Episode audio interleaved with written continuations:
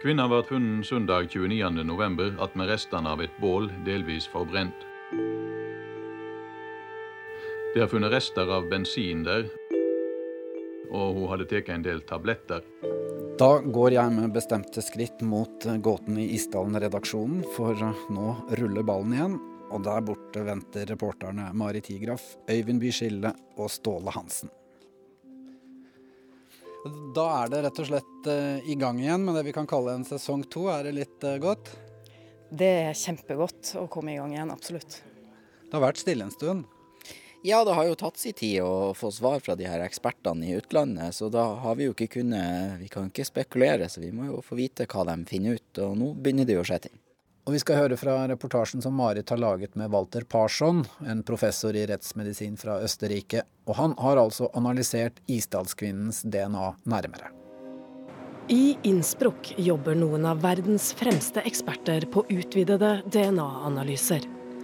DNA-et vårt kan både fortelle noe om hvem vi er og hvor vi kommer fra. Og laboratoriet her har spesialisert seg på å få mest mulig informasjon ut av DNA.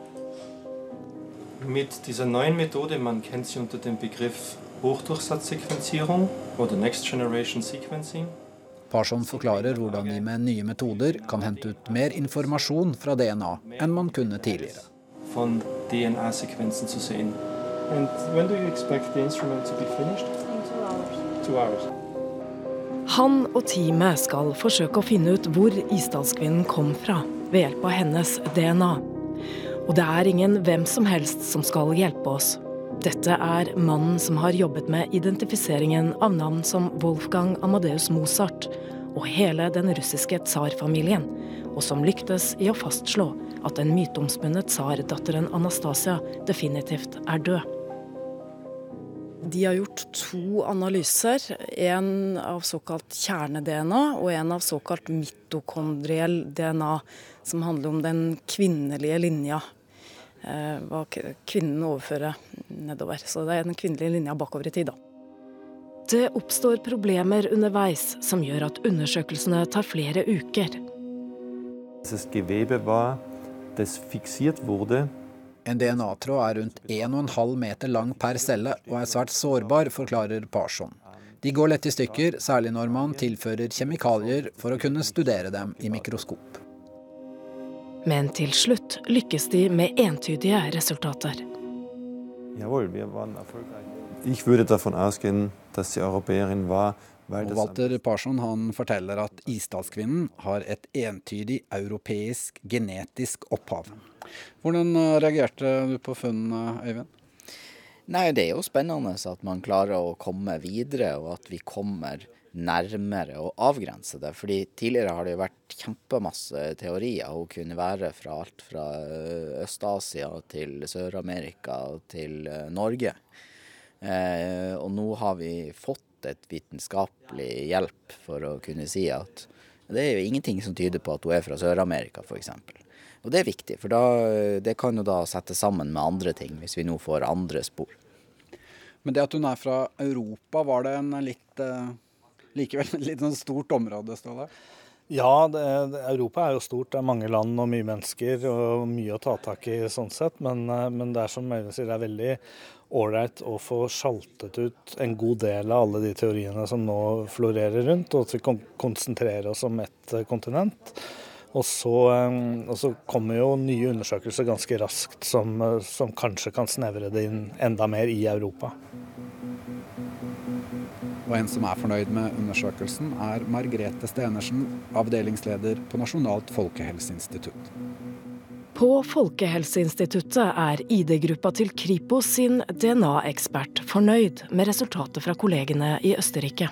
Ja, jeg, For det første så syns jeg det er et veldig bra arbeid som har blitt gjort. De har jo brukt eh, flere ulike metoder, og eh, begge de metodene de har eh, benyttet, peker jo i samme retning, i hvert fall. Men det, det man ikke vet noe om, er om foreldrene har bodd i en hvor de har bodd hen?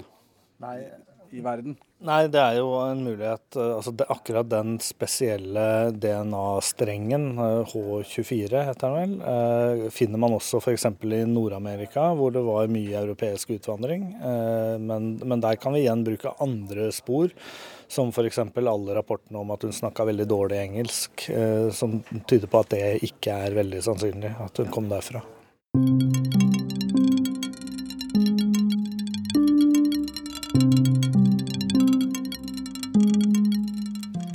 Der vi slutta sesong én, så var det jo skriftanalyser som pekte i retning av eh, fransktalende oppvekst.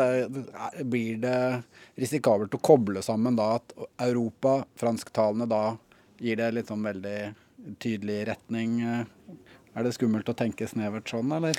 Jeg, jeg, tror det er litt tidlig, rett og slett. Jeg tror at nå skal vi vente på den store neste undersøkelsen som straks skal være klar og ferdig med resultater. Isotop. Um, jeg tenker sånn at Forskjellen på disse, disse to svarene, da, om du vil, uh, hvor vi nå vet Europa, altså alt tyder på Europa, det at den er vitenskapelig, den er uomtvistelig. At, at, det kan vi stole 100% på. At eh, det stemmer, at vi nok skal lete i Europa. Mens den andre, hvor skriftgranskere eh, har antydet at de mener det ser ut som at eh, hun har lært å skrive i et fransktalende land. Det blir litt mer sånn, skal ikke si værhane, men ikke like vitenskapelig basert eller fundert. da. Så jeg tenker det er en, en vesensforskjell på de to svarene. Men samtidig så er det jo sånn at jo flere ting som faller sammen, jo bedre er det. Sånn at hvis vi har eh, DNA-analyser som er vitenskapelige og som har statistiske modeller og kjempetydelige, så har vi skriftgransker som peker også et sted i Europa. Så hvis vi så eventuelt får enda flere ting som peker innafor samme sfære, så kan man si at ok, det her styrker en teori om. Og så kan vi hende vi plutselig får et svar som viser noe helt annet, og da må vi jo se ting i kontekst og vurdere det deretter. Så skal vi også huske på at Frankrike var en verdensmakt som hadde kolonier fra Vietnam til Stillehavet til uh, Sør-Amerika, altså Afrika ikke minst. Sånn at, uh, at, teoretisk sett så kan jo fransk uh, skriftopplæring være gitt i ganske mange deler av verden. Så, så det må vi også huske på i den sammenhengen.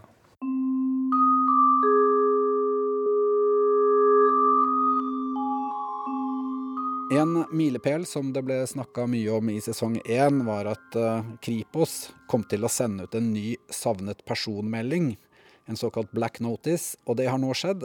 Vi var der da det skjedde. Vi skal til Interpol-kontakt Mai Norskau hos Kripos.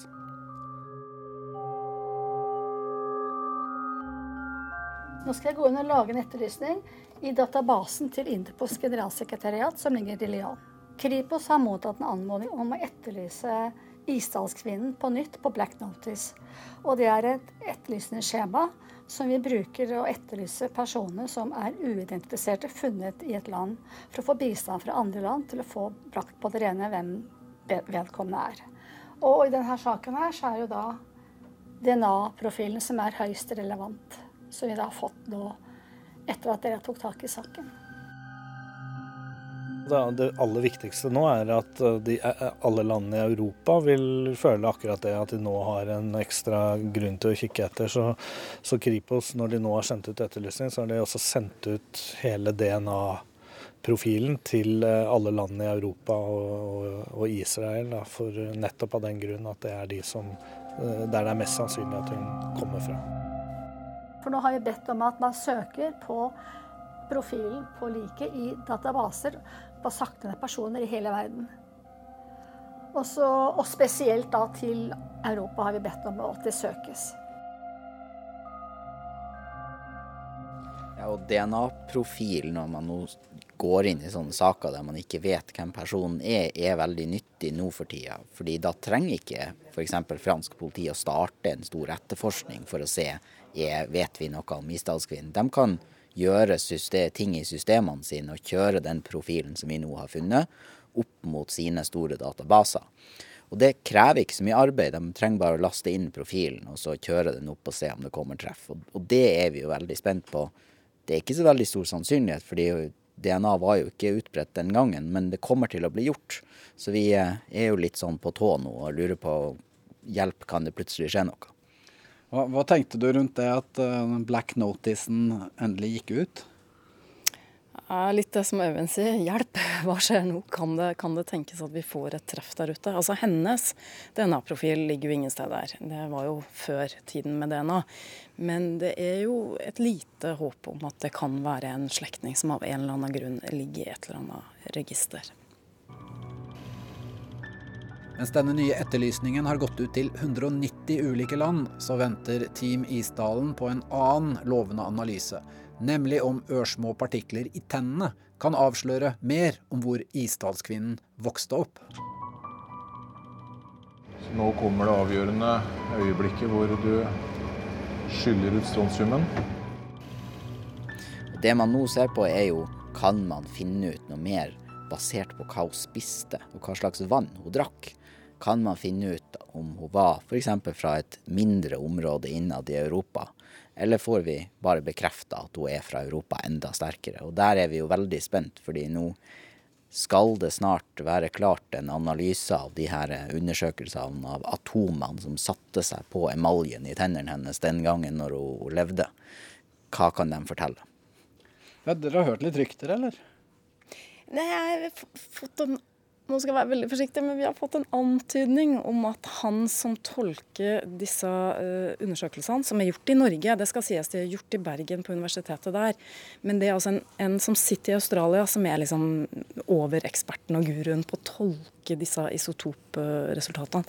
Og han har visstnok antydet at han har i hvert fall kommet fram til noe. Så får vi se hva det er. Ja, det er veldig spennende.